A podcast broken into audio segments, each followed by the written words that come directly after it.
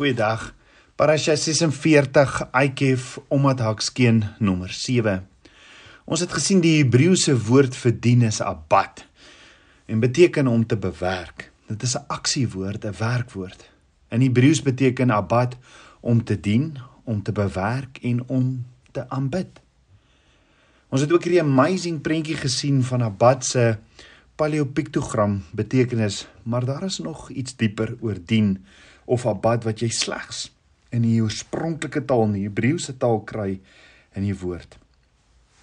Abad is 'n 3-letter wortel woord wat afkomstig is van twee letter wortelwoord ab, gespel met twee letters naamlik ain en byt. Ab beteken 'n baie dik donker wolk en dan en kan ook 'n uh, bedekking beteken. So dink gou daaroor. Waar het jy water gekry nadat jy saad geplant het op die lande 3000 jaar gelede in Israel. Jy het net die sprinkelstelsel aangeskakel. Is dit moontlik? Nee. So waarop het jy staat gemaak? Reën. En waar kom reën vandaan? 'n Donker wolk. Abba Vader het beloof dat as die Israeliete hom getrou sou dien en dit Abba Vader se saak sou maak om te saai en vir die oes voor te berei, hy die reën sou voorsien en hy hulle met sy teenwoordigheid sou bedek. So hoor gou wat sê Abba Vader vir Moses in Eksodus 19 vers 9. Abba sê: "Kyk, ek sal in 'n dik wolk na jou toe kom dat die volk kan hoor as ek met jou spreek en hulle ook vir altyd aan jou kan glo, want Moses het die woorde van die volk aan die Here meegedeel." So in hierdie vers is die woord dik eintlik die Hebreëse woord ab. En Abba Vader kom in 'n dik donker reënversadige wolk Nou vandag se ingesteldheid wil nie hê dat Abba Vader in donker swart wolke moet kom nie. Ons wil sien dat hy in 'n eerder in 'n in 'n wit donsige fluffy wolk kom, nê. Maar 'n dienskneg wat in die veld werk, wil donker dik wolke sien wat reën bring. Hierdie wolke beteken nie dat daar probleme kom nie, nee, dit beteken dat Abba Vader kom. Dit kan in die vorm van 'n verhoor of 'n verdrukking, 'n trial of tribulation wees, maar dit is waar Abba Vader gevind word. Dit is waarom ons dit so as 'n vreugde beskou om beproewings van vele soorte te ondervind. Want dit is in die reën wat die vermeerdering bring. Dit is die reën wat die vermeerdering bring in die dik wolk. Heel toevallig is die Hebreëse woord vir water ma'im en die woord hemel she ma'im Shem wat beteken letterlik naam. Dis hemele beteken letterlik naam water of meer gepas die water wat van die naam kom. So kom ons gaan kyk gou-gou na enkele skrifgedeeltes wat hierdie idee sal uitbrei en vir ons meer vertel. In Eksodus 16 vers 9 tot 10 staan: Verder het Moses met Aaron gespreek, sê aan die hele vergadering van die kinders van Israel kom nader voor die aangesig van Jahweh, want hy het julle memorering gehoor. En onderwyl Aaron die hele vergadering van die kinders van Israel toespreek, draai hulle na die woestyn toe en met eens verskyn die heerlikheid van Jahweh in die wolk. In die wolk. Dan lees ons in Eksodus 24 vers 16: Die heerlikheid van Jahweh rus op die berg Sinaï en die wolk het dit 6 dae lank bedek en op die 7de dag het hy Moses uit die wolk geroep. Dan Levitikus 16 vers 13 en hy moet die reukwerk op die vuur lê voor die aangesig van Jahweh dat die wolk van die reukwerk die versoeningsdeksel wat op die getuienis is kan oordek sodat hy nie sterwe nie. 'n wolk het die Israeliete op hulle reis gelei en Abba Vader het homself gewys in 'n wolk bo die versoendeksel. Op hierdie punt te betemtoon, kyk op watter manier het hy sy beloftes om nie weer die aarde te oorstroom gewys nie. Abba Vader het 'n reënboog in die wolke gesit. Het jy ooit gewonder waarom Abba Vader besluit het om die wolk te gebruik om sy mense deur die woestyn te lei? Dit was omdat dit byna nooit daar gereën het nie. Sy wolk of teenwoordigheid was hulle bedekking en hulle belofte van voeding. Solank hulle hom gevolg het en hulle onder hierdie wolk van sy heerlikheid gebly het, sou hulle geen behoefte of nood ervaar het nie. Hy het hulle vertel op 'n baie praktiese manier elke dag dat hy die een in die wolk is. Emmanuel, God with us. Hy's die een wat die reën bring. Abba Vader is die een waarop hulle en ons moet vertrou. Onthou toe die heerlikheid van Abba Vader die tabernakel gevul het, was die wolk so dik dat hulle nie eens kon sien nie. Tabernakelskind van Abba. Mag ek en jy so in die geestelike in die middel van sy wil en onder sy bedekking wees. Mag hy ons so vul met sy heerlikheid. So hoe dien ek en jy Abba Vader? Abba Vader leer ons in sy woord 'n paar dinge om hom te dien. Nommer 1. Samuel leer ons eerstens in dit wat hy vir die kinders van Israel sê in 1 Samuel 12 vers 20. Hy sê: "Wees nie bevrees nie. Julle het al hierdie kwaad gedoen, maar wyk nie van Jahweh af nie en dien Jahweh met julle hele hart." So hier sien ons dat ons met ons hele hart die grond voor ons moet ploeg of bewerk of werk. Ons moet Abba Vader nie lig raak dien nie. Ons moet ons moet ons alles gee. Want sien, Abba Vader bring slegs reën vir diegene wat hulle nette laat val en hom volg. As jy nog steeds jou nette vashou, sal jy geen reën sien of ontvang nie. Tweedens leer die woord ons om Abba Vader te dien in Psalm 2 vers 11. Dien Jahweh met respekvolle vrees en juig met bewering en trembling. Ons moet hom nie alleenlik met ons hele hart dien nie. Ons moet hom met eerbiedige vrees dien, met ontzag. So ons weet dat Abba Vader goed is, maar ons weet ook dat hy ons gaan terug, dat hy gaan terugkom om ons te oordeel oor hoe ons op die lande bewerk het. Want onthou, ons het 'n opdrag van Yeshua. Yeshua gaan ons kom vra, wat het ons met die talente wat hy vir ons gegee het gedoen? Die derde ding wat die woord ons leer om op 'n Vader te dien, sien ons in Psalm 100 vers 2: Dien Jahweh met blydskap, kom voor sy teenwoordigheid met sang. So hier sien ons dat ons Abba Vader met 'n dansstappie moet dien terwyl ons sy grond bewerk. Ons mag nie dienaars wees wat kla en memoreer en mou nie. Nee, ons moet ons moet vol blydskap en vreugde wees. Die grond bewerk want die oes is groot. En in geloof hom wag om die genesende reën te bring. Dan die vierde ding wat die woord ons leer om op 'n Vader te dien. Hoor wat sê Abba Vader in Jesaja 43 vers 23 oor om hom te dien. Jy het vir my nie gebring die klein vee van jou brandoffers nie en met jou slagoffers het jy my nie geëer nie. Ek het jou geen oorlas aangedoen met spysoffers en jou nie vermoei met wierook nie. So Abba Vader sê dat 'n deel van die definisie om hom te dien is om 'n offer vir hom te bring. Abba Vader se regmatige deel. Tabernakels kind van Abba, wat doen jy met Abba Vader se regmatige deel? Is jy God om te besluit wat jy daarmee doen? Want Abba Vader sê presies wat jy daarmee moet doen. Jy moet dit bring vir sy stoorkamer, daar waar jy voeding, sy woord, sy saad ontvang. As jy dit nie doen nie, is jy hom ongehoorsaam. As jy nie sy offers bring na sy stoorkamer toe nie, die gedeelte wat aan hom behoort, sê jy mos eintlik vir Abba Vader dat jy die wortel van jou eie lewensonderhoud is. Dat jy hom nie nodig het nie. Jy sien as ons die eersteling van ons voorsiening aan Abba Vader teruggee, bedank ons hom letterlik vir die reën wat van hom afkomstig is.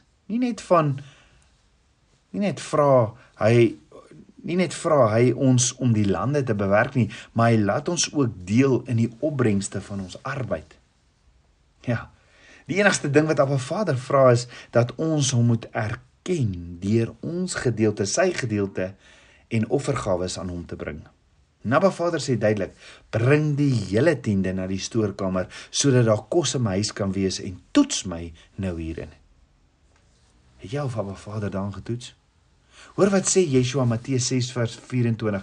Niemand kan twee here dien nie, want of hy sal die een haat en die ander een lief hê, of hy sal die een aanhang en die ander een verag. Jy kan nie God en Mammon dien nie.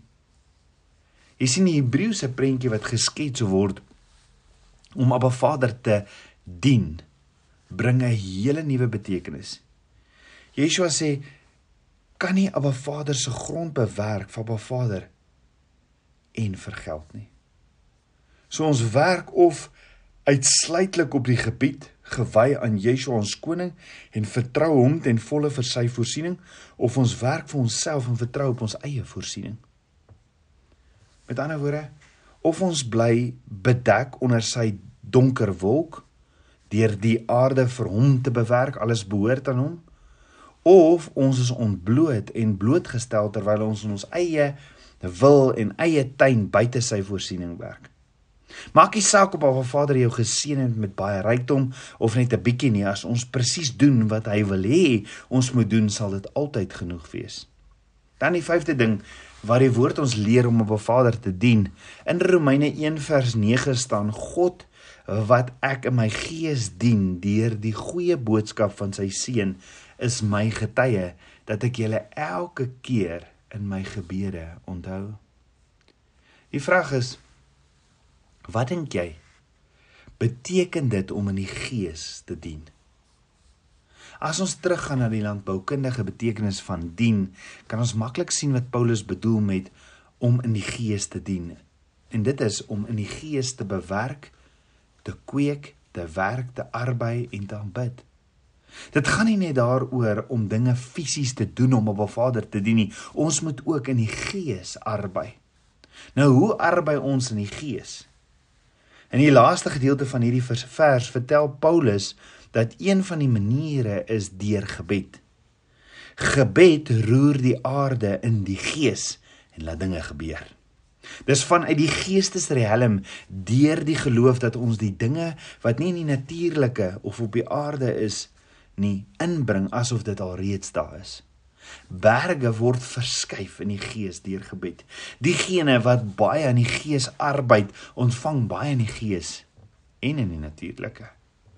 Diegene wat slegs in die natuurlike arbei, ontvang slegs in die natuurlike. En dan sê Paulus in Romeine 7 vers 25 tot 26: Ek dank God deur ons meester Yeshua, die gesalfde een. Ek is daarom nou met my gewete 'n slaaf van God se wet maar in my vlees is slaaf van die wet van die sonde. So hierdie gedeelte beëindig 'n hoofstuk 'n hoofstuk lange stryd omdat Paulus sê dat hy die Torah, die wet van Abba Vader wil onderhou, maar dat hy 'n ander wet vind wat hom na sonde toe trek. En aangesien dit met ons onderwerp verband hou, sê Paulus dat hy in die wet van God wil bewerk, werk en arbei omdat dit in sy lewe as geregtigheid sal verskyn. Maar hoewel sy bedoeling is om in die velde van 'n Vader te werk, vind hy dat hy in die velde van sonde werk. Tabernakelskind van Abba. Kan jy met die stryd van Paulus identifiseer? O ja. Ek wil afsluit met die laaste ding wat Abba my leer en dit is die Hebreëse woord Torah kom van die wortelwoord Yara wat beteken gooi, skiet soos 'n pyl en om water te gooi. Met ander woorde Torah kan 'n swaar reën by verteenwoordig wat die droë land nat maak. En dit is presies wat die wet van Abba Vader doen. As ons daarin werk en dit leer deur dit keer op keer om te draai om meer gouderts te ontbloot, breek dit die droë land van ons lewens, onthul dit ons sondes en bring dit bo natuurlike groei. Hoor wat sê Yeshua in Johannes 12 vers 26. As iemand my dien, laat hom my volg. En waar ek is, daar sal my dienaar ook wees en as iemand my dien, sal die Vader hom eer. So Yeshua sê, dat as iemand hom volg, met ander woorde, as iemand die tyd neem om hom te help om sy velde te versorg en te onderhou, want onthou die oes is groot en die arbeiders min. Nou om Yeshua te volg kan vir jou soos 'n abstrakte gedagte voorkom. Maar wanneer ons dit terugbring in die oorspronklike Hebreëse konteks, is daar werklike konkrete handelinge wat volg. Om Yeshua te volg beteken nie net om in hom te glo nie. Nee, om hom waarlik te volg beteken dat ons kies om besig te word om in die velde te werk wat hy vir ons het om in te werk. Jy sien en hoor mooi, daar's geen lippe diens in die boerdery nie. Dis baie harde werk en dit neem baie mense om 'n suksesvolle oes te produseer of te bewerkstellig. Om Abba Vader te dien behels aan die einde dat ons in sy velde met ons hele hart sal werk in eerbied en vrees met ontzag met blydskap en danksegging. Dit beteken om offers, gebede en smeking te bring en om in sy woord tyd te spandeer. As jy nou sê ja maar ons word nie gered deur werke nie, jy's 100% reg, maar dan dan moet jy nog by die kruis kom.